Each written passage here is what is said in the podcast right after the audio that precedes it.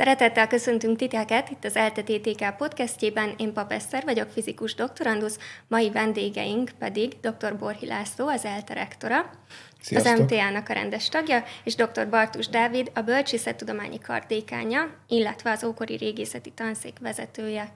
Köszöntöm a hallgatókat! Köszöntünk titeket itt a stúdióban. Egy kicsit most ilyen érdekes adás lesz, hiszen meg szeretnénk mutatni, hogy a bölcsészettudományok milyen összefüggésben vannak a természettudományokkal. Mindketten az ókori régészettel foglalkoztok, ezen belül mivel? A római korral alapvetően, illetve mind a ketten végeztünk klasszik archeológiát is, tehát görög-római régészettel, és ezen belül a római kornak különböző aspektusaival, a latin feliratottól kezdve a, a szobrászaton át nagyon-nagyon sok mindennel. Mint az, ami a földből előkerül, tehát a felkészültségünket illetően a teljes ókorra vonatkozóan végeztünk tanulmányokat, görög, etruszk, itáliai és római provinciák régészetét, de itt Pannoniában leginkább római kori Pannoniának a provinciális időszakát kutatjuk, és mindazt, ami, ahogy Dávid említette, a földből előkerül, kisleletektől kezdve a feliratokon át a nagy szobrászati emlékekig, már ha olyan szerencsénk van, hogy találunk ilyet. És miért pont ezt a területet választottátok a régészeten belül, és mivel foglalkoznak úgy nagy vonalakban a régészek? Ugye alapvetően a régészet a klasszikus értelemben véve az emberiség tárgyi kultúrájával foglalkozik, tehát a történelmet elsősorban, elsősorban nem mondjuk írásos források alapján vizsgálják, mint a történészek, hanem alapvetően a tárgyi kultúrán keresztül próbáljuk megismerni a, a, a múltban történő eseményeket, és hát igazából a, a, az emberiség kialakulásától kezdve egészen a kora újkorig tart a régészeti periódus, és ez, ez az a képzésben is már így csapódik le, tehát különböző szakirányok vannak, már az első évben belépő hallgatók választanak, hogy őket melyik terület érdekli, valakit az őskor érdekli, akkor az őskoros lesz, valakit inkább a várak, mondjuk akkor az elmegy középkorra. Így, így két korszakot tanul mindenki, tehát ezeket lehet párosítani. Nyilván nem az őskor szokták pont a középkorra, hanem általában van, ami közelebbi részt, és van egy külön, külön területünk, ami nem korszak, hanem az archeometria, ami most az adás témája az leginkább kapcsolódik, ami kimondottan a természettudományos módszerek és a régészet kapcsolatát vizsgálja. Tehát mindenki eldönti, melyik érdekli, és, e, és ezeket elkezdi tanulni. Mi mind a ketten az ókor iránt érdeklődtünk. Én nem tudom megmondani, hogy ez nálam hogy és mikor alakult, vagy így jött, és, és nem is gondolkodtam máson. Ez valószínűleg az én hatásom volt, amikor elkezdtél hozzám órára járni, akkor úgy döntöttél, hogy római koros leszel. Nálam ez egy gyerekkori inspiráció volt, hiszen én szombathelyen születtem, és szombathelyen nagyon sok római kori emlék van, és ezek nagyon kicsi koromban megragadták a fantáziámat, és elhatároztam, hogy olyas valaki leszek, aki ilyenekkel foglalkozik. A régészet korszakolására és céljára kutatási módszereire vonatkozóan annyi kiegészítést tennék, hogy a régészet keletkezésének, mint tudományágnak keletkezése pillanatában azt tekintették archeológiának, amelyik az európai kultúra, az európai civilizáció kialakulásának az előzményeként tekinthető. Tehát elsősorban a görög, részben az etruszk, illetve az itáliai kultúráknak a kutatása, és ebben az időszakban már bizony előkerülnek az írott források is, tehát írott források segítségével olyan régészeti emlékeket, amelyek megsemmisültek, próbálnak megazonosítani, rekonstruálni, illetve olyan régészeti emlékeket, amelyekről ókori leírások vannak, és régészeti feltárások során felszínre kerülnek, vagy szerencsés körülmények között köszönhetően az ókort is túlélték, és máig álló épületekként megtekinthetőek. Ezeknek a keletkezési történetét, használatára vonatkozó információkat források segítségével dolgozzák fel. Tehát egy komplex tudomány az emberiség keletkezésének pillanatától kezdődően a, mondjuk a történeti korok végéig, 17.-18 századig tekinthetjük azt archeológiának, ami a Földből előkerül, vagy Föld felszínén álló történeti emlékeknek a kutatásával, különböző módszerekkel foglalkozik. Tehát akkor téged rektor úr inspirált ezek szerint ezzel a nagy lelkesedéssel? Annyi a történetben, hogy korábban kellett korszakat választani, mint mielőtt először találkoztunk, de jól hangzott minden esetre. Talán ezt kijelenthetjük, hogy az emberekben mindig van egy ilyen késztetés, hogy megértsük és megpróbáljuk leírni a minket körülvevő világot, illetve megértsük a, a múltunkat, és hát nem volt ez más, hogy az ókor emberével sem. És uh, rektor úrnak volt egy előadása az atomoktól a csillagokig előadás sorozat keretében, ahol erről beszélt. Milyen leletek engedtek abba betekintést, hogy hogyan vélekedett az ókori ember, akár a csillagokról, az időről, időszakokról? Ha már forrásokat említettem, akkor elmondanám, hogy vannak forrás leírások arra vonatkozóan Tukitidész Peloponnesoszi háború című munkájában, hol Délos szigetének a temetkezésektől való megtisztítását rendelték el, hiszen Délos szigetén sem születni, sem meghalni nem volt szabad, ott csak folyamatosan élni lehet, volt lehetséges, és ennek a purifikációnak, a temetőktől, síroktól való megtisztításnak a során a sírokból korábbi koroknak a tárgyi emlékei kerültek elő, és ezekre a korábbi korszakot jellemző, a saját korukétól eltérő formavilágot, motivumkincset felmutató tárgyi emlékek felkeltették a sírok eltávolítását, kiürítését végző embereknek a figyelmét. Ez volt egyébként az a, az időszak, amikor maga az archeológia szó megszületett, tehát a régi koroknak a tudománya görögül, és, és elsős alkalommal jelenlegi ismereteink szerint a, korá, a saját korukat megelőző időszakok tárgyi emlékeire felfigyeltek az emberek.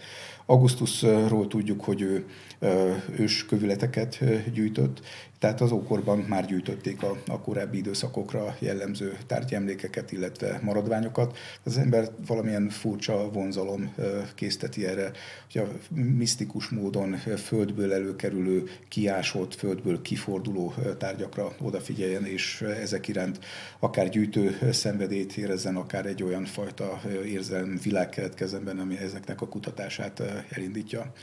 Az ókorban az embert körülvevő világ is rendkívül érdekelte az embereket. Ez a fizikának a kezdetei. A filozófia tudományágában próbálták meghatározni a különböző természeti jelenségeket, ezeket leírni. Az első leírások például a ma Kármán Tódor vonalként ismert szféra meghatározására már az ókorban Platon kísérletet tett, tehát a levegőszférának a, a körül, körülvevő világ mindenségnek az elhatárolását próbálták 800 stadion magasságban meghatározni, tehát különböző jelenségeket csillagokhoz, csillagok járásához kötni. Felfedezték azt, hogy a csillagok időről időre, mindig ugyanabban a pillanatban, évről évre ismétlődően visszatérnek abba az állásba, ahonnan elindultak ezt, meghatározták évként. Ennek az évnek lettek évszakai, amelyek mindig ugyanabban a pillanatban kezdődnek és térnek vissza önmagukba, és egy örökké való folytonosságot képviselnek. Ezt a folyamatosan megújuló körkörös mozgást az égben, az univerzumban leíró, leíró időt próbálták meg elsőként a görögök ábrázolni, aztán kialakult az idő ábrázolásának, az év ábrázolásának egyfajta ikonográfiája, amelyik az ókori művészetekben, falfestészetben, építészetben, mozaik művészetben, különböző leíró nyelvezetben megjelenik. És volt egyébként arról elképzelésük, hogy ezek az ős maradványok mik lehetnek, vagy csak érdekesnek találták már? Különlegesnek találták őket, ugye nem tudták ehhez, ezeket mihez kötni. Hát későbbi korokban tudjuk, hogy például a biblikus elő, idők előtti leletekként apostrofálták ezeket, de igazából nem tudták meghatározni azt, hogy milyen állathoz vagy milyen lényekhez kötődnek ezek ugorjunk egy kicsit nagyot az időben, és hát ugye a technológiának a fejlődésével a természettudományok és az informatika egyre inkább tudja segíteni mondjuk a modern régészetet, és egy korábbi podcastunkban dr. Deme Andrea beszédtudós is kiemelte, hogy azért nem olyan éles a határ egy természettudós és egy bölcsész között, hogyan jelennek meg a természettudományok és az informatikai eszközök a ti kutatásaitokban? Igen, a nyelvészek az egy jó, jó analógia, mert, mert ők, ők a másik terület a régészet mellett a, a bölcsészettudományi területen, akik, akik főleg a fonetikával foglalkozók elég, elég sokszor közeli területeken dolgoznak. A régészetben alapvetően ez már viszonylag korán elindult, tehát van egy 1982-es kiadása könyv, az fizika és régészet, tehát már akkor bőven gondolkodtak ezen. Igazából az első olyan, olyan együttműködések, amelyek, amelyek kimutatlan természettudományosok voltak, azok a kor meghatározáshoz köthetőek. Tehát arra voltak kíváncsiak a régészek, hogy azokon a módszereken kívül, amit régészeti ö, szemmel el lehet végezni, tehát ö, stílus alapján, vagy, vagy, ö, vagy ö, lelet kontextus alapján történő keltezés mellett, egyrészt lehet ezeket megerősíteni valamilyen, valamilyen konkrét természettudományos módszerrel, vagy lehet segíteni akkor, ha ilyen nem áll rendelkezésre, valamilyen módon ezeket elvégezni, és így a legismertebb a, a radiokarbon meghatározás, a, a C14 vizsgálatok indultak el ez bizonyos korszakokban jó eredményt adhat, de mondjuk a mi korszakokban nem annyira, mert már túl nagy az a hiba határ, amin belül már mi jobban tudjuk keltezni akár egy kerámia edény, vagy egy, vagy egy, egy szobrászati stílus alapján a, a, a kontextus, mint amit egy C10 vizsgálat tud, bár ez is már egyre, egyre jobban szűkül azért hogy az idővel. És emellett van, van sok más kormeghatározási módszer, fizikai módszerek, de ott van például a dendrokronológia, ami a, ami a faj évgyűrűknek a vizsgálatával foglalkozik, és ezek mellett folyamatosan kialakult nagyon sok együttműködési terület, tehát tulajdonképpen szinte minden területének a, a természettanulmányoknak megvan a, a be, kötődési helye a régészetbe. Ugye, ha, ha a biológiával kezdjük például ugye a, az archeozológia az egyik, egyik leg szélesebb körben művelt terület a, a, a archeometrián belül. Itt ugye a régészeti állatcsontokkal foglalkoznak az archeozológusok. Alapvetően az archeozológusok inkább régészek, és kicsit beletanulgatnak a, a, a zoológiába, biológiába. Sokan behallgatnak biológia órákra, állatorvosi egyetemre, de alapvetően inkább régészek, és ez egy nagyon fontos része a régészeti feltárásoknak, itt az állattartásra, étkezésre, állatcsontok eszközként való felhasználására nagyon sok területre vonatkozó információkat tudnak, tudnak ebből kinyerni. Az archeobotanika az szintén hasonló, épp a, a, a mi feltárásunkon volt nemrég egy, egy archeobotanikai vizsgálat, egy római pincét találtunk, ami tele volt magvakkal, és ennek elvégeztük az archeobotanikai vizsgálatát, én még folyamatban van, de már vannak előzetes eredményeink, és nagyon izgalmas dolgok derültek ki, olajbogyó, datolja, szedertől kezdve rengetegféle gyümölcsöt lehetett azonosítani, és egyébként a, a, a, épp, a datoljával kapcsolatban ö, izraeli régészek ö, kísérleti régészeti úton újra is ültettek egy, egy római kori datolja pálma magot, és kinőtt belőle egy datolja pálma is már, már egész magas, tehát már egy olyan kb. 11 néhány éve végezték, tehát ilyen egész izgalmas területekre is el lehet, el lehet jutni. Emellett ugye a, a geográfusokkal van sok együttműködésünk, szokott lenni ilyen kvázi közös, terep, közös terepgyakorlat, és amikor geográfus hallgatók fúrásokat végeznek a mi lelőhelyünkön, ott, ott mi főleg a Dunának a, az árterének a változásait nézzük, a, az ókori meder, medret próbáljuk, próbáljuk rekonstruálni, hogy hol folyhatott, milyen volt a kapcsolata az általunk kutatott római tábornak és az akkori Duna vonalnak de ö, geológusokkal ö, is együtt szoktunk ö, dolgozni. Ö, földrengéseket ö, is kutattunk már együtt, régészek és, és természettudósok.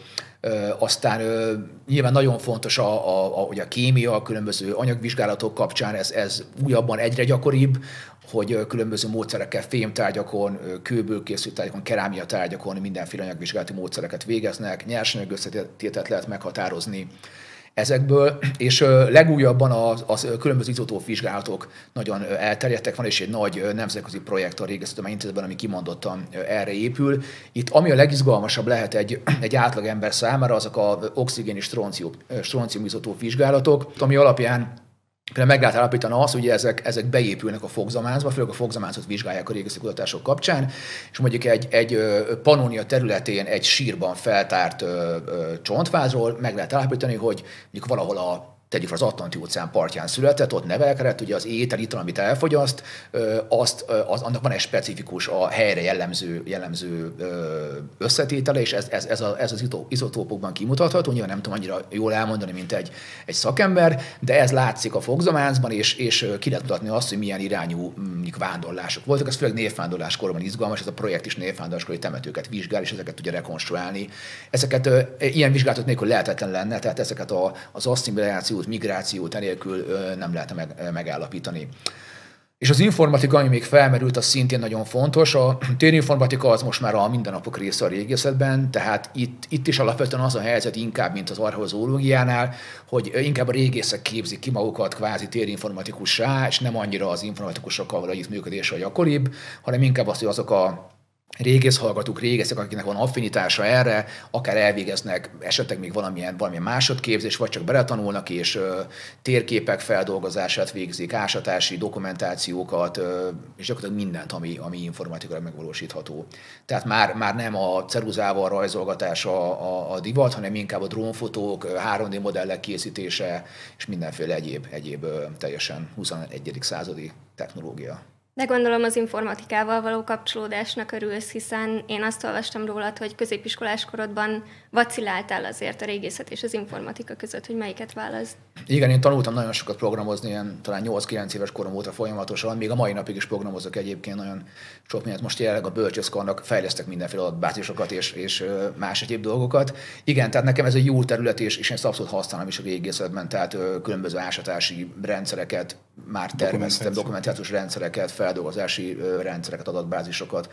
Úgyhogy ilyen szempontból, akinek van egy picike természettudományos érdeklődése, de nem akar mondjuk fizikus lenni, vagy, vagy matematikus, vagy biológus, ha eljön régészetre, akkor tudja mind a kettőt kamatoztatni. A régészeknek sok terepgyakorlatuk van itthon? A terepgyakorlat az a régészetképzésnek a, a részét képezi. Tehát jelenleg évente két hét nyári gyakorlat elvégzése kötelező a hallgatók számára. Szerencsére olyan sokan érdeklődnek a régészet iránt intenzíven, hogy ezt a két hetet nagyon sokan túl is lépik, és három-négy hetet is eltöltenek egy régészeti feltáráson, hiszen a, a régészeti módszereket, pontosan ezeket a tan, természettudományos módszereket, amelyek akár egy ásatás megkezdését fel és megelőzhetik, előzetes lelőhely felderítés radarral, előzetes teljesen megmutatja azokat a föld alatt húzódó romokat, rommezőket, amelyekre célirányosan rá lehet, rá lehet bontani. Tehát ez a terepgyakorlat nagyon fontos része a régészetnek, ezt főleg a tavaszi-nyári, koraőszi időszakban végezzük, és ezt követő időszakban a órák keretében a feltárt anyagnak a feldolgozása, illetve hát annak a háttértudás anyagnak az elsajátítása történik, amelyik a régészet, mint szakma vagy tudományterület meg is megismeréséhez szükséges. Akkor elképzelhető, hogy mondjuk természettudósok is részt vesznek ilyen terepgyakorlatokon a régészekkel együtt? Rendszeresen jönnek hozzánk természettudós hallgatók.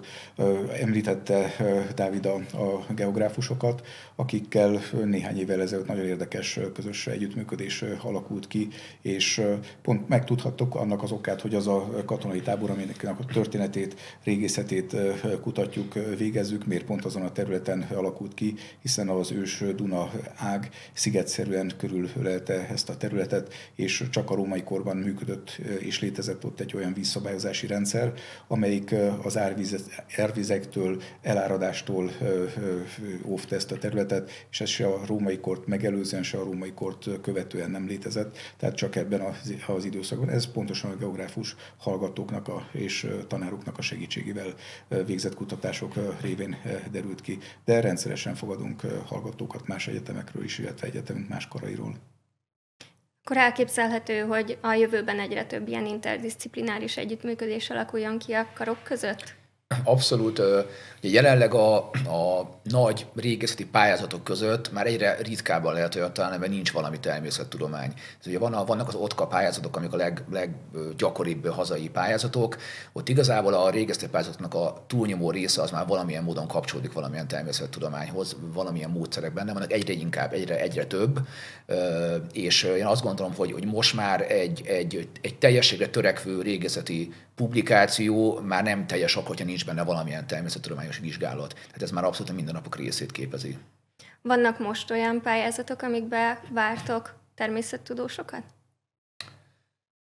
Hát ö, ki, tehát épp még beadás előtt lévő pályázatokra gondolsz, vagy? Akár folyó, tehát hogyha most hallgat mondjuk uh-huh. minket valaki a TTK-ról, és szeretne egy uh-huh. kicsit betekintést nyerni a régészetbe, akkor tud-e hozzátok jelentkezni valamilyen projektbe? Az mindenképpen érdemes, hogyha ha szeretne régészekre együtt dolgozni, akkor felveszi a kapcsolatot a Régészetudományi Intézettel, és mindig vannak megfogalmazás alatt álló, éppen kialakulás alatt lévő projektek, pályázatok, ahova biztos, hogy tudunk találni kapcsolódási pontokat. Nekem van éppen egy futó ott pályázatom, ahol, ahol kimondottan anyagvizsgálatokkal foglalkozunk római kori bronztárgyakon, de az intézetben szinte mindenki valamilyen módon interdisziplinális kutatásokat folytat, tehát mindig van kapcsolódási pont. És tudnám említeni a, brigéciai falfestészeti kutatásokat, ahol a festékek anyagösszetételét, illetve a, a habarcsnak az anyagösszetételét fizikus segítségével vizsgáltuk és állapítottuk meg, illetve egy jó pár évvel ezelőtt volt, volt alkalmamban, alkalmam Pompeiben is dolgozni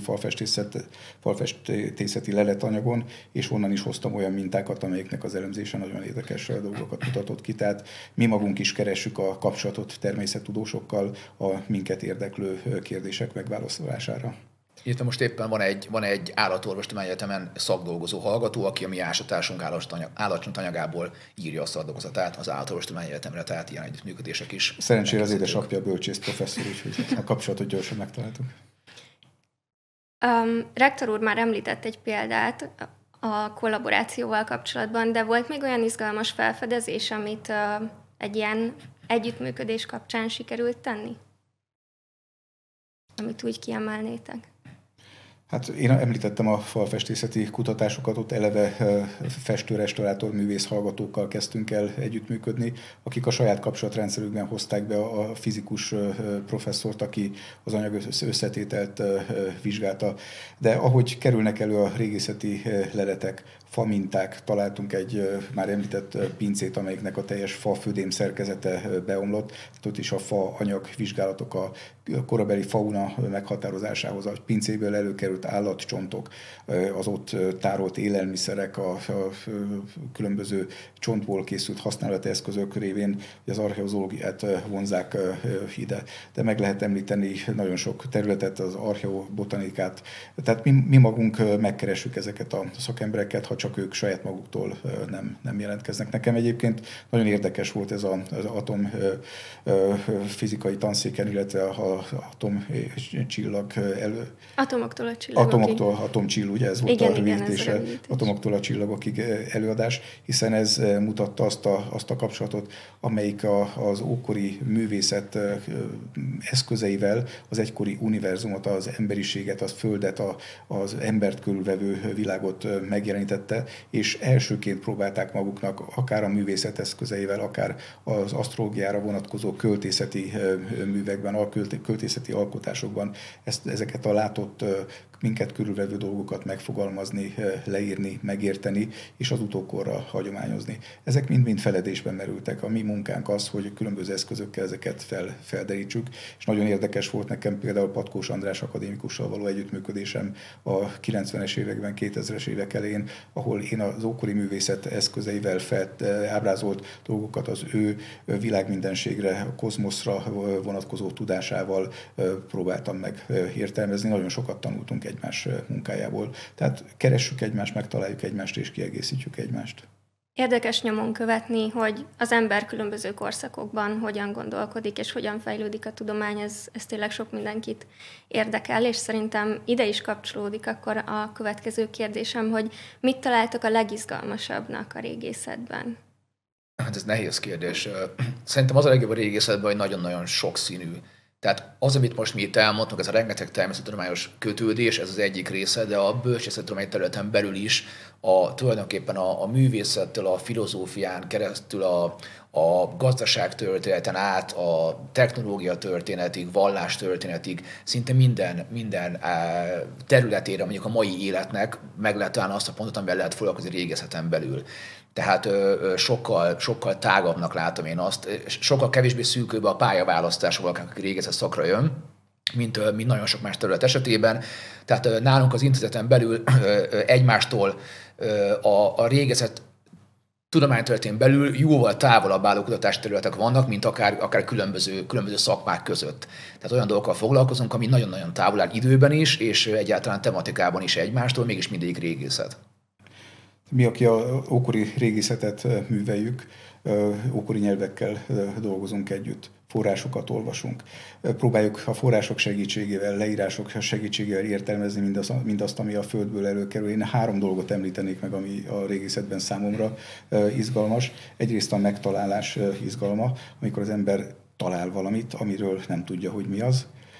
Megtalálja, feltesz magának egy kérdés, hogy na most mi ez, és a harmadik pedig az, hogy megpróbálja megválaszolni, és ez egy nagyon hosszú, akár több évig, évtizedig eltartó folyamat, amelyik izgalomban tartja az ember szellemiségét, és próbálja megkeresni, megtalálni rá a választ, és elindul egy, egy hosszú-hosszú értelmezési folyamat, ami mondjuk egy publikációban, egy cikkben, egy könyvben, egy konferencia előadásban, és optimális esetben az egyetemi órákba való beépítésben teljesedik ki, és ér véget.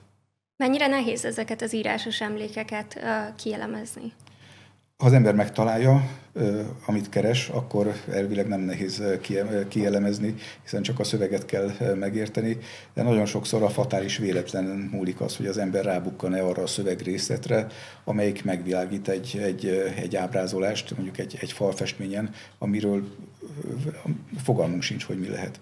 De források segítségével, ha szerencsénk van, vagy célirányosan, kitartóan kutatunk, vagy a fatális véletlennek köszönhetően tudnék a saját munkámból én is ilyet említeni, akkor véletlenül könyves polcról Heidelberg Egyetemen leemeltem egy marcialis kötetet, itt felcsaptam és elolvastam benne egy négy soros epigrammát, és rájöttem, hogy ez arról az ábrázolásról szól, amelyik az ásatásonkon előkerült falfestmény formájában. Tehát a kitartó munkát azért a szerencse mindig sikerrel koronázza. Igen, nagyon gyakran szokták a, a, a nyomozó munkához hasonlítani a régészt, aki tulajdonképpen ugyanazt csinálja.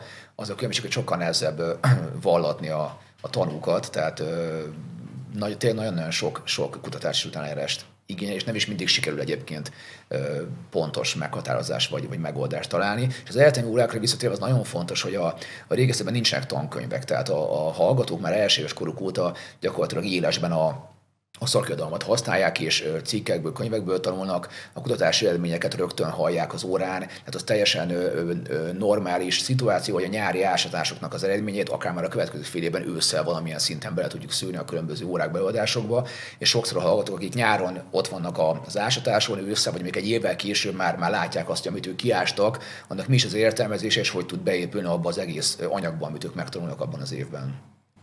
Ha már az ELTE rektora a mai egyik vendégünk, akkor nem hagyhatom ki ezt a kérdést, hogy mit gondol rektor úr, hogy mitől egyedi és mitől olyan jó az ELTE? Régészként azt tudom mondani, hogy az egyik legnagyobb előnye, hogy nagyon régi, tehát majdnem 400 éves. Ez azt, azt az érdekes következményt vonja maga után, hogy generációról generációra tudós generációk következő tudós generációnak adták át a tudásukat, és ez a tudáskincs itt maradt az egyetem virtuális épületén belül, hiszen 400 év alatt azért nem csak, hogy sok felé vándorolt az egyetem, de szerencsére nagyon sok szép kampusza van az Ötös Órán Tudományegyetemnek, még itt Budapesten is, és vidéken is, hova érdemes tanulni, jönni. Tehát ez a, ez a múlt ez a múlt, múlt során felhalmozott tudáskincs, a könyvtárakban több száz év alatt felhalmozott könyvállomány, ami mindenki számára elérhető, az egyik legnagyobb értéke, és az, az a sokszínűség, amelyek ez alatt a 400 éves fejlődés során egy kilenc karból álló, és a tudományoknak szinte minden területét, egy-két kivétel, pontosan két kivétellel tudományoknak minden területét lefedi, a pedagógiától a természettudományokig bezárólag nagyon sok területet lehetne említeni. Ilyen palett palettával, ilyen sokszínűséggel nagyon kevés egyetem rendelkezik, nem csak, a, a, nem csak Magyarországon, hanem a világon is.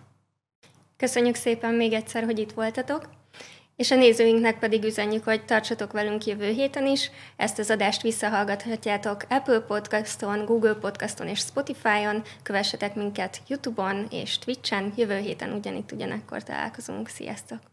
Köszönjük a meghívást! Köszönjük a meghívást!